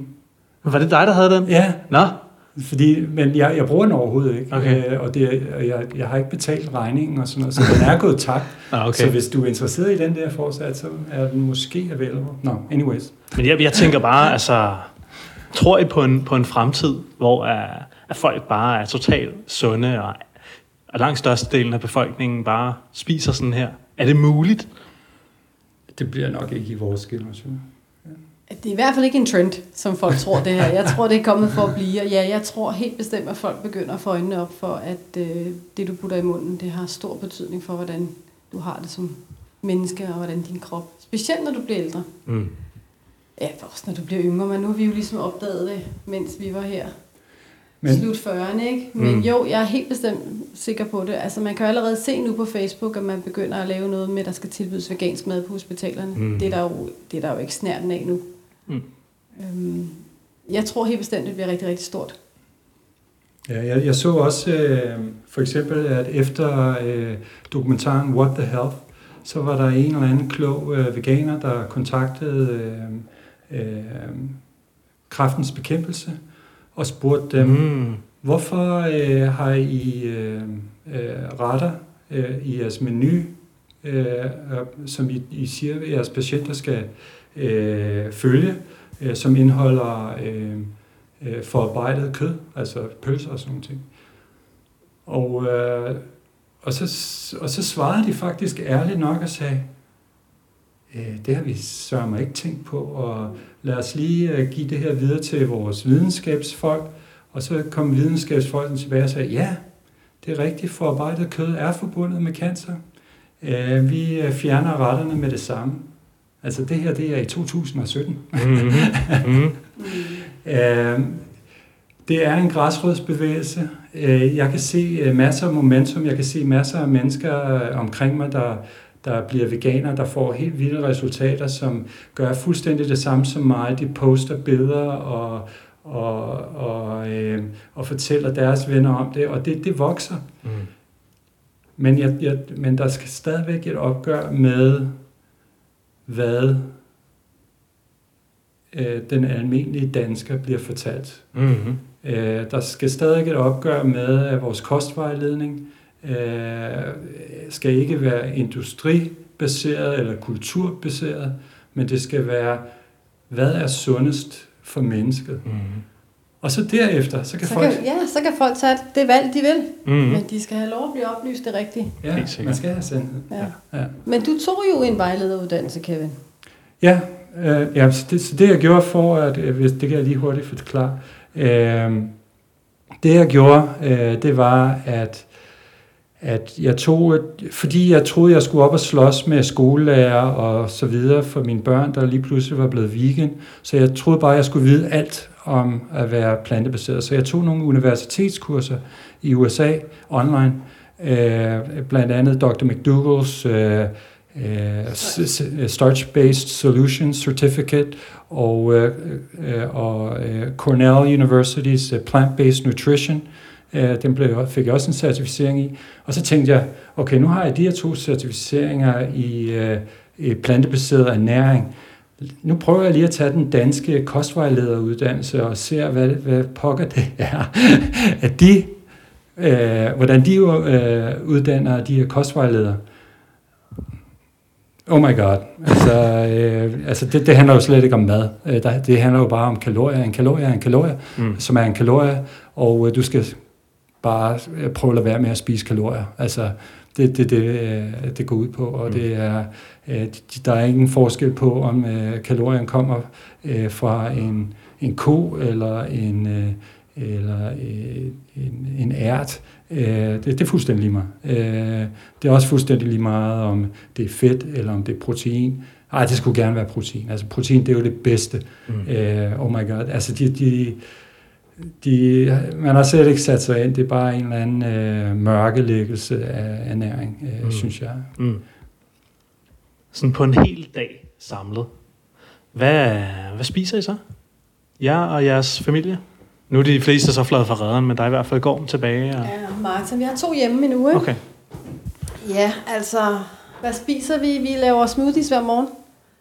Med bananer og frosne bær og kokosvand og hørfrø og chiafrø og det hele. Og B12. Og B12. Mm. Øhm, frokosten, der kan det tit være rester fra aften i forvejen. Det kan være noget ris øh, og noget bønner. Det kan også være en robrødsmad med noget spread på. Og aftensmad, det er, ja, der, der vælger jeg mellem. Altså enten så er det kartoffel, ris eller pasta. Mm. Det er ligesom dem, man cykler rundt i, ikke? Og så laver jeg noget specielt til det. Altså, så det er det. Vi laver masser af mad. Altså, vi laver meget mad. Ja. Og det, der er lidt sjovt, efter vi også har lavet vores madvaner om, det er rester. Har man rester til over stående i køleskabet, det bliver spist. I gamle dage, da vi var kødspiser, der var ingen, der gad at røre resterne i køleskabet. Glem det. Det var ingen, der gad at røre. Men er der en rest ris, eller en rest bønner, eller er der nogle linsefrikadeller, de er væk. Og, Der og, bliver støvsuget derhjemme af børnene. og, og bare det der med, at øh, især da der var flere børn hjemme, men, øh, men øh, bare det at sætte sig ned til en måltid nu, og se sine børn spise, de inhalerer maden. Der er ikke noget, man Altså, sidder og piller, eller skal nej, noget fra. og- Og, og- Tallerkenen er bare fuldstændig ren. Ja. Øh, og det, det oplevede vi aldrig, da vi havde kød. Det var sådan, øh, jeg, jeg skærer lige det her fra. ja, der var og, altid noget, der ja, blev pillet i. det, det smager helvede til. Og det, Eller, og det gjorde det også. Det skyldes ned med et eller andet, ikke? Ja, mm. og nej, nej, altså... Det findes ikke mere. Det, det er som forældre, og man ser sine bør, børn rov spise Ja. maden, som om, at det var det bedste måltid ever, hver evig eneste gang. Altså, det er crazy. Ja. Så Øh, fantastisk. Ja, man er så tilfreds som Og så er øh, man forældre. tilfreds, fordi man ved, at det, man putter i dem rent faktisk er sundt. Ja. Mm. Det er rigtig godt Ja. for dem. De kan gå ud og præstere og Ja. præstere og præstere. Ikke? Og vi har to teenage-drenge lige nu. De har nærmest ikke en bums på kroppen. Øh, de, har, de er utrolig slanke. Man kan se deres sixpack. De viser deres sixpack, øh, hvis de kan komme til det. de Øh, er friske, de er friske hele dagen i Ja. skolen. øh, når, når de laver bip-test og alt muligt andet hen i skolen, selvom de ikke har trænet eller rørt sig, mm. så er de dem, der løber længst. Og, og altså de... øh, Og mange gange så, øh, altså, de, øh, de siger lidt, at nogle gange så bliver de andre drenge, der er lidt konkurrence, lidt irriteret på dem, men, øh, men de accepterer dem også, altså, fordi de gør det på en positiv måde. Og, De er bare blevet nogle positive. Ikke at de var negative før, men de har bare fået en rigtig positiv indstilling til deres omverden og til sig selv. mm. Og det udstråler de, og det smitter altså af på ens omgivelser. Så det er bare rart at være omkring positive mennesker. Ja, Sådan er det bare. Mm. ja. Og, og hvis der er nogen, der vil slås eller noget i den stil, og det sker jo til de her gymnasiefester og sådan noget, så vender de bare ryggen. Så går de bare går de væk. bare væk. Altså, de, de behøver ikke at have den her sådan, uh, konfrontation. Uh, det interesserer dem ikke. Altså, hvor I mås- måske lidt tidligere, så ville de, hvad, hvad sagde du? Altså, p- pardon me? Men uh, sådan er de ikke overhovedet. Nej. Det er bare, ja, du har din holdning, og, ja, og vi har vores. Fedt. Ja. Vi skal ved at, vi er ved at nå til vejs ende. Allerede? Kevin og Nini. Jeg ved det godt, det går altid så fucking hurtigt. Ja, det gør. Jeg tænkte på, om I måske har noget, I gerne lige hver især vil tilføje til vores lyttere, inden vi lige lukker helt ned for dagens program. Hvis der er et eller andet, I tænker, ah, det skulle jeg lige, det vil jeg gerne lige have ud. Oh, jeg kan ikke lige komme på noget. Hvad skulle det være? Altså, vi har snakket meget om, øh, om det at være øh, positiv, øh, og vi føler, at vi er blevet mere positiv. Øh, jeg selv øh, føler, øh, jeg, jeg har ikke noget øh, dokumentation på det her, fordi jeg har aldrig været til lægen andet end en gang, hvor jeg sagde, ja, ja, jeg føler mig lidt øh, depri til min læge.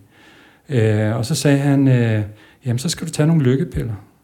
Og, øh, og, og han ville gerne give mig lykkepiller med det samme. Jeg fik øh, øh, noget, noget, sådan en, en receipt øh, på det.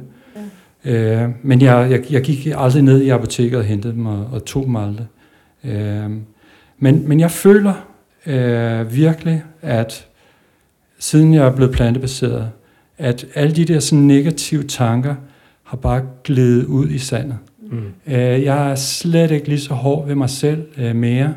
Øh, øh, altså jeg tænker øh, meget, øh, meget mindre negativt om mig selv. Og det tror jeg også øh, var øh, for en af mine sønner, som øh, jeg kunne have nogle udfordringer med. Han var også sådan meget negativ øh, mod sig selv. Øh, og, og, og, så, så når jeg var negativ mod mig selv og havde mindreværdskomplekser eller sådan noget, og han havde det samme, så er det klart, så, så, så kunne vi ikke tale ordentligt øh, sammen. Øh, men, men da vi begge to sådan blev positive, øh, og, og, og, og, og, og hvilede lidt mere i os selv, øh, så kunne vi også have et meget bedre far-søn forhold, øh, som vi nogensinde har haft. Og jeg ved også, at hans kæreste øh, har, har sagt det samme. Hun var vegetar, da, da de mødtes. Og øh, hun havde også lidt meget af angst og, og sådan nogle ting. Og øh, kunne øh, smide øh, den medicin, som hun fik, øh, og har fået det øh, øh meget mentalt bedre, efter at, at hun er begyndt at, at, at spise, spise udelukkende planter. Så, så man skal ikke nedvurdere øh, planter i, øh, i det der med, om hvordan du har det med sig selv. Og det, det er en anden tanke, som jeg også har haft, øh, og, og har også delt det her med mine venner på Facebook. Man deler sgu mange ting. Øh, men, øh, men det er, at, at mit ønske, det er, at der er nogle mennesker derude, og der har også været nogle mennesker i vores omgangskreds, som har begået selvmord. Øh, og mit ønske, det er, at før at man går ud og, og, og, og tager sådan en beslutning, så spis for helvede nogle planter! Altså, oh my god! Hvor svært kan det være? Altså, mm. Men uh, ja. Det må være det lukkende budskab for dagens podcast. Lidt sort at slutte det måske, men uh, okay. Ja, ja okay. Jeg bliver lidt glad i låget. ja. Ej, så skal vi, ej, så skal vi næsten lige slutte på en high note, ja. og lige sige et eller andet positivt til folk. Ja. Lige give dem et godt tip med på vejen, ja. inden vi de lukker helt for den jo, her podcast. Fortæl dem om vores løbeteknik, og så fortæl dem om vores øh, løb her. Øh, i vi, vi har kun lige tre minutter tilbage. Tre minutter. Oh. Altså vores løbeteknik, at jeg, nej, jeg tror, jeg fortalte den gode historie. Jeg fandt mig en løbeveninde, da jeg løb ved Nordkysten. Det var simpelthen så hyggeligt. Hun hed Nete, og øh, vi kom helt tilfældigvis til at løbe ved siden af hinanden og øh, på Nordkysten, og kom så til, til at snakke sammen. Og hun sagde så, at det, det var hendes første ultra, og kiggede med store øjne på mig. Så, det, det er mit nummer to. Ej, er det rigtigt? Og hvordan gik det? Og, ja, fordi jeg har altså fulgt det her træningsprogram i, i 16 uger op til, og, og jeg løber helt alene, og, og, og hun var bare den skønneste pige, kan jeg godt love jer. Og hende løb jeg vi nok med et, øh, en 10 km sted, så satte hun fra os, så kunne vi ikke lige følge med hende. Men vi endte så med at indhente hende på de sidste 8, ikke? Men hun havde bare sådan en positivitet, og, og hun gav os også bare sådan en rigtig masse komplimenter. komplimenter, da vi løb. Altså, det var ikke, fordi vi ville have komplimenter, men det gav hun os ikke. Hun sagde, ej, og I løber sammen, ej, var I seje, og I, I hygger jer, ej, har I det godt sammen, og ej, gid det var mig, og vi ses i mål, og det var en fantastisk, det var en fantastisk dag. Fedt. Mm. Fedt. Var det okay? Det var, det var fucking godt. Det var virkelig inspirerende. Det er også noget, jeg virkelig prøver at kultivere. Altså, give komplimenter. Mm. Det, det mister du sgu ikke noget på. Vær positiv. Mm. Det har ændret mit liv til det ja, bedre. Ja, jeg giver dig fuldstændig ret. Og vi skal være bedre til at give komplimenter. Åh, oh, ja. Det føles godt. Det føles så godt at give dem, men det er også, også rart at få dem. Selvfølgelig. Ja. Selvfølgelig. Men altså, alt, hvad du sender ud, skal du nok få tilbage igen. Ja, det tror jeg også. Og med det, så lukker vi. Så lukker vi den. Du har lyttet til Plantetinget podcast.